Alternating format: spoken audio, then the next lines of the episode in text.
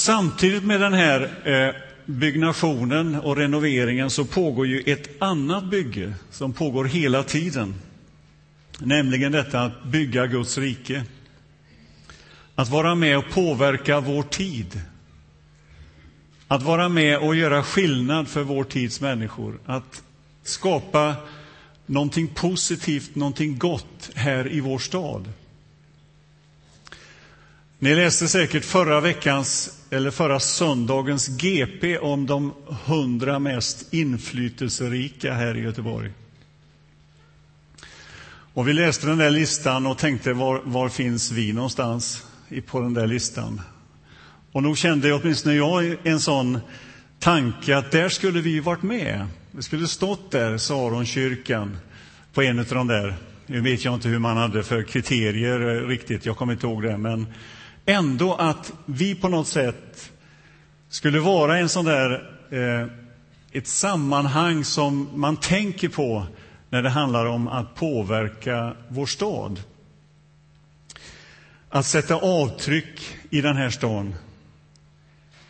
Eh, och det säger ju lite om dels vår marginalisering och också hur svårt vi har att, att eh, vara med och göra de här avtrycken. Och det önskar vi, och det är en frustration och en längtan och en bön som vi bär på att på något sätt få vara med att skapa de där, den där eh, skillnaden i vår stad. Den här renoveringen som vi gör ställer ju, eller kräver en, en rad frågor. Nödvändiga frågor. Och det kräver undersökningar och planering innan vi sätter igång. Och en sån fråga är ju vilka är de bärande väggarna i den här kyrkan? Vad får vi absolut inte riva? Vad behöver vi liksom sätta en skylt på? Det här får ni inte röra. Eh, tänk på det nu, eh, alla ni 70-talister som ska ner och riva. Vi hörde uppropet här. Eh,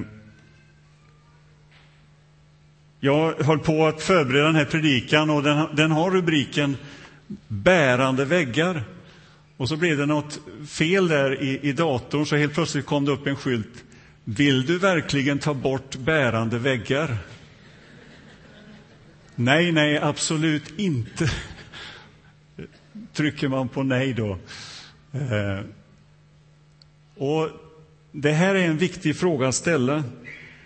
Och den frågan måste vi ställa när det gäller hur vi ska påverka Göteborg, hur vi ska kunna sätta avtryck som församling, hur vi ska kunna utöva inflytande. Det är precis samma fråga. Vad är de bärande väggarna? Vad har vi som vi absolut måste lyfta fram, som vi inte får riva? Hur ser evangeliet ut? Vad är det som är kärnan i vårt, in, i, i vårt evangelium, i det vi förkunnar? I vår tro? Och man kan säga att svaren på de frågorna, det, är, eh, det handlar om vår identitet. Och man talar mycket om kyrkans identitetskris idag. Och det diskuteras och pratas om. Och nog ligger det någonting i den, i den diskussionen och i det samtalet. Och vår längtan att göra avtryck här i Göteborg är först och främst en identitetsfråga. Vilka är vi? Vad har vi? Varför finns vi? Det handlar alltså om att ställa de rätta frågorna. Och när jag säger vi så kokar det ner till jag. För vi är jag. Det är inte dem, utan det är vi tillsammans. Och jag tror att, att, eh, att det, här, det här är på något sätt en, en nödvändighet för oss att ställa de här frågorna. Och inte minst i vårt eget liv också. Och jag vet inte om du är som jag, men ofta kommer man in i perioder där man känner både trötthet och uppgivenhet och missmod och frustration och tänk om vi nådde längre, eller tänk om jag nådde längre, kunde vara med och påverka mer. Och då, för egen del, så är det oerhört viktigt för mig då att se Ingemar, var har du din identitet? Var finns dina rötter? Vad är det som är omistligt? Alltså, back to basic på något sätt igen. Och låt, låt oss nu läsa en text som verkligen lyfter fram just det här omistliga, det här grundläggande, det som är vårt fokus. Och den texten eh, hämtar vi från Titusbrevet, det tredje kapitlet. Och det är på sidan 860. Paulus skriver till Titus. Och vi läser verserna 4 till 8.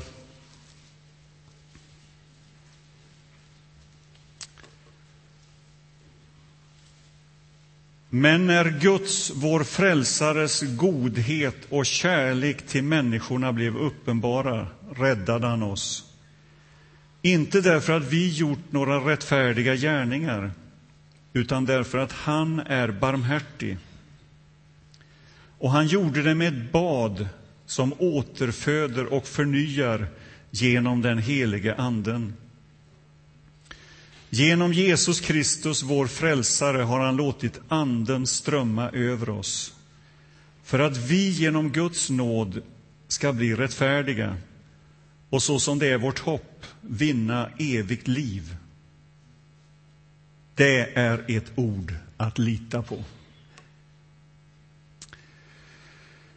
Och jag skulle vilja dela upp den här predikan i, i tre, tre punkter och tre ord och det är rötter och rytm och relationer. Och ta med dig de här tre orden som börjar på R. Och det första är våra rötter. Vad är det som, som är omistligt, som är bärande? Ja, här står det att Guds, vår frälsares godhet och kärlek, det är nummer ett. Det är grunden. Godheten är utgångspunkten för det Gud gjort genom Jesus. Det är evangeliets kärna, dess centrum. Och det sammanfattas i, i orden ”så älskade Gud världen”. Guds kärlek, Guds godhet uppenbarades. På Bokmässan i höstas så lyssnade jag till Empo Tutu. Hon är dotter till Desmond Tutu. Och de två tillsammans har skrivit boken Om godhet och varför den gör all skillnad i världen. Det är en bok som är väl, väl värd att läsa. Och där skriver de att godheten kommer från Gud eftersom Gud är godhet och kärlek. Och denna godhet finns på något sätt i varje människa som en anknytningspunkt eftersom alla är skapade av Gud. Vi kan aldrig förtjäna Guds godhet eller förtjäna Guds kärlek. Vi får den. Allt på grund av vad Gud har bestämt och gjort. Och så skriver de i den här boken om ett ord, ett afrikanskt ord som heter ubuntu. Jag vet inte om jag uttalar det rätt. Men ubuntu, det är ett afrikanskt uttryck som beskriver hur vi som människor hänger ihop med varandra. Och att ingen lever för sig själv, isolerad egentligen. En enda och ändå många. Och vi är många och ändå en enda. Vi hör ihop. Och det här ordet ubuntu är ett viktigt ord, ett avgörande ord, skriver de i den här boken, som talar också om hur Gud ser på oss. Att Gud ser varenda människa personligen, individen. Men han ser också hela världen. Alltså att varje människa, ingen är glömd utav Gud.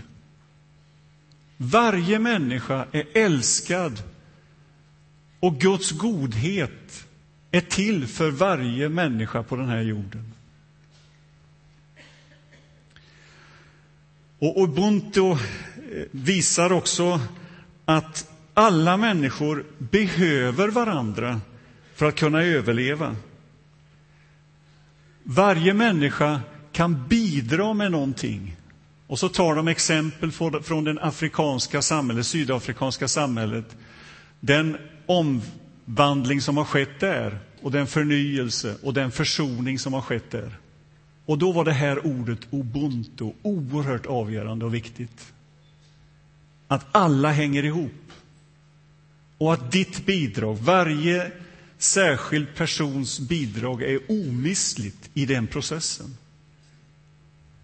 Och det här är ju en, en, en fantastisk bild på den tanke som Gud har med att samla ett folk som tillsammans ska göra avtryck. Så på den här hundralistan står det inte ett, ett personnamn, utan det står en grupp människor, en församling. Tillsammans kan vi göra det. Och centrum i den här Guds godhet, det är ju hans uppenbarelse i Jesus Kristus. Det är gåvan. Det är där fokuset riktas mot. Jesus, han som blev kött och blod, Guds uppenbarelse, inkarnationen, det vi har talat om nu under julen, hur Gud har blivit människa i Jesus Kristus. Det är det det handlar om. Godheten har blivit synlig, personifierad i honom. Och att få del av honom, det är att få del av Gud själv. Och att känna det, att, att denna gåva är till för hela världen, för alla människor, ingen undantagen. Så rötterna, det är Jesus Kristus. Det är Guds godhet, Guds kärlek till den här världen. Ställ dig i den kärleken, i den godheten och känn att du är föremål för den, precis som alla andra människor i den här världen. Och i den strömmen, i, den, i det uttrycket av Guds kärlek till den här världen, där vill vi stå. Det är omistligt, det är en bärande vägg för oss. Det andra ordet är rytm, att finna rytmen. Och då, om godheten och kärleken är utgångspunkten och förutsättningen, så är på något sätt detta med rytmen, och rytmen i det här fallet är den nåd som beskrivs i de här verserna vi har läst. För att vi genom Guds nåd ska bli rättfärdiga och så som det är vårt hopp vinna evigt liv, säger Paulus. Alltså nåden är det medel genom vilket vi får del av Guds verk i Jesus Kristus. Nåden ger mig de nödvändiga förutsättningar som jag behöver för att komma in i det som jag är skapad till. Nåden ger mig tillträde till Guds godhet och kärlek. Nåden ger mig den rytm jag behöver i livet. Det är den struktur inom vilken jag växer, mognar, fostras och tjänar Gud i den här världen. Det är på något sätt själva medlet för att jag ska kunna förverkliga, eller att Gud ska kunna förverkliga sin tanke med oss.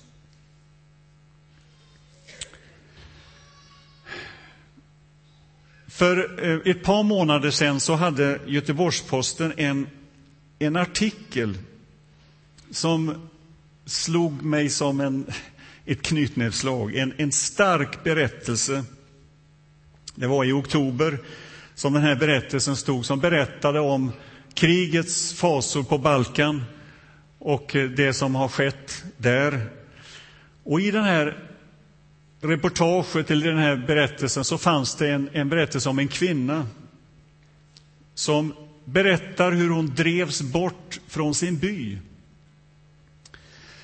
Hur hon fängslades och hur hon fördes till ett, ett, ett eh, hus som blev på något sätt, som de kallade för i texten, ett våldtäktshus. Hon blev slagen, hon blev misshandlad, hon blev våldtagen. Och några månader senare så föder hon ett barn, en pojke. Och hon kände direkt, den här pojken vill jag inte ha. Hon lämnar bort honom och hon har ingen kontakt med honom under sju månader. Men efter de där sju månaderna så blev längtan för stark att få återse honom igen. Hon letade reda på honom och fann honom på ett sjukhus, undernärd, sjuk. Hon ger pojken sitt namn så att ingen ska kunna adoptera honom.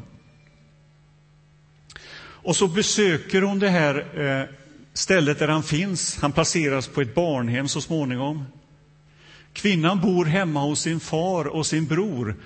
Och de var arga på henne för att hon överhuvudtaget kunde tänka sig att ha kontakt med det här barnet.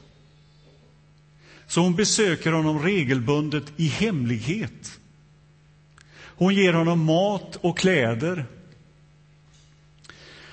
Och en gång så berättar hon i den här artikeln hur hon blev slagen av sin far när han hade hittat ett par små skor under hennes säng som var för det här barnet. Hon jobbade som städerska och köpte en tomt utav pengarna hon hade tjänat in. Och så småningom bygger hon ett hus. Och det blev färdigt 99, det här huset. Hon flyttar in i huset och då kan hon äntligen ta hem sin pojk. Och nu är pojken 18 år gammal, skriver hon i den här, eh, står det i den här artikeln. Han har gått i skola, han har fått ett jobb. Och så säger hon på slutet i den här berättelsen Tron har betytt allt för mig i den här processen. Och så avslutas artikeln med orden Låt dig inte föras bort av vinden. Ha en riktning för ditt liv. Och när jag har läst den här berättelsen gång på gång och fascineras av den oerhörda kärlek som ligger bakom den här berättelsen. Den uppoffring, det lidande, den smärta som hon har gått igenom. Och så går mina tankar att kvinnan i den här berättelsen är ju också en berättelse om hur Gud har sett oss i vår utsatthet. En Gud som älskar och som skapar förutsättningar för oss att gå in i. Och de förutsättningarna är nådens förutsättningar. Alltså, han har gjort i ordning ett rum där jag kan få flytta in. Han har gett oss förutsättningar för att vi ska kunna komma in under hans godhet och kärlek. Han har skapat ett utrymme där varje människa är kallad att vara och leva i.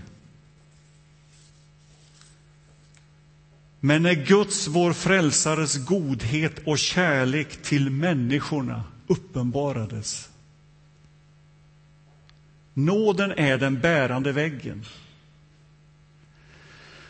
Och när jag talar då om rytm i det här fallet som nåden, så tänker jag mig att det här vill jag leva i. Det här måste jag liksom finna som en rytm i mitt liv. Och då kan man ta det på det stora perspektivet. Vi firar jul, vi firar påsk, vi firar pingst. Att följa med i den rytmen. Där finns evangeliets bärande väggar. Och gå ännu ett steg, att finna rytmen för mitt dagliga liv med Gud. Bön, bibelläsning. Att finna den rytmen när det är så mycket som vill störa rytmen i vår tid. Och den rytmen, det är nåden. Nåden som, som fostrar oss. Nåden som förändrar oss, förnyar oss, renoverar oss. Bygger oss på nytt. Nåden är inget sömnpiller som vi liksom lutar oss tillbaka på, utan det är någonting som jag hela tiden får gå in i, leva under, sträcka mig mot, ta tid för, prioritera i mitt liv. Att ställa sig under nåden. Och Gud erbjuder oss genom Jesus Kristus en tillhörighet, ett hem, en tro, en förankring. Och där får vi leva. Dit får vi sträcka oss. Den tredje bärande väggen är relationer. Och det är ju församlingen då. Gemenskapen. En central tanke hos Gud och en central tanke i Guds plan för den här världen, det är församlingen eller kyrkan. Och nog är det så att församlingen eller kyrkan behöver på något sätt en uppgradering i vårt tänkande, i vår prioritet. När vi tänker på att påverka Göteborg, ja då måste församlingen finnas med i den tanken, vi tillsammans. Det sker genom ett folk som har funnit nåden och vet vad nåden är. Som har fått smaka Guds godhet och som är beredda att satsa på det. Det sker genom en grupp människor som har fått ett bad, som det stod här i texten, som återföder och förnyar och där Anden har strömmat över dem. Och det är ett sätt att beskriva vad som konstituerar församlingen. Dopet och anden.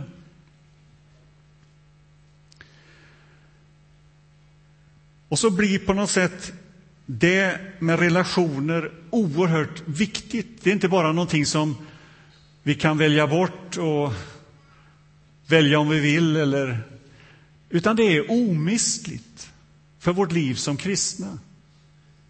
Det är omistligt för vår identitet. Det är omistligt, det är en bärande vägg. Och jag kan egentligen inte vara kristen på egen hand. Ubuntu, vi hör ihop. Och den tanken behöver vi på något sätt återerövra igen för våra liv, och för vår överlevnad. Därför att jag är beroende av dig och tvärtom också. Tillsammans kan vi se och förstå vad Guds godhet och Guds nåd är för någonting. Och så blir de här våra rötter, vår rytm och våra relationer på något sätt som blir väldigt konkret till sist i den meningen att det handlar om ett, hela tiden ett aktivt val som vi får göra. Det är inte bara någonting som faller över oss eller någonting som kommer till oss, utan vi måste söka det, bulta på dörren, be om det, ge tid för det. Och, och detta är så oerhört avgörande för oss som kyrka, att skapa de strukturer så att vi kan leva i de här viktiga bärande väggarna. Och då tänker jag på att, och som Joakim var inne här i början på gudstjänsten, nu är vi här igen, nu är det söndag. Det är ett sätt att uttrycka det. Vi har våra huskyrkor som startar igen i februari, som också är ett sånt sätt att växa tillsammans, att söka Gud tillsammans, att be tillsammans. Du kanske finns med i någon husgrupp. Överge inte den, sök dig till den. Den behöver dig och du behöver den. Och vi har andra verksamheter som är så oerhört betydelsefulla. Tillsammans är ett huvudord. Tillsammans kan vi vara med att påverka vår stad, att påverka vår omgivning, var vi än finns någonstans. Och att hitta de här rötterna, rytmen och relationerna som är så viktiga och avgörande. Och där, dit får vi sträcka oss. Och om en stund så ska vi fira nattvard. Det är också en del av den här rytmen. Vi gör det igen och igen. Vi behöver det för att hålla liksom nådens struktur vid liv på något sätt. Att leva i det, att uttrycka vårt beroende av varandra och vår längtan efter Gud. Låt oss be. Tack Gud för att du har uppenbarat din godhet och din kärlek till oss. Tack för nåden som vi får leva i. Tack för nåden som du skänker oss. Tack Herre för att du älskar oss var och en, att du vill leva i gemenskap med oss och med alla människor. Och i det vill vi stå. I det vill vi leva. Och i den riktningen vill vi leva ut vår tro här i Göteborg och var vi än finns någonstans. Välsigna vår stad. Välsigna alla de människor som bor och bygger och finns här. Tack, Herre, att du älskar var och en. Drabba oss med den kärleken. Förnya oss i den kärleken. Hjälp oss att lyfta vår blick och se det du ser. Vidga vårt perspektiv. Rör vid våra hjärtan. Kom, helige Ande, och gör det. Amen.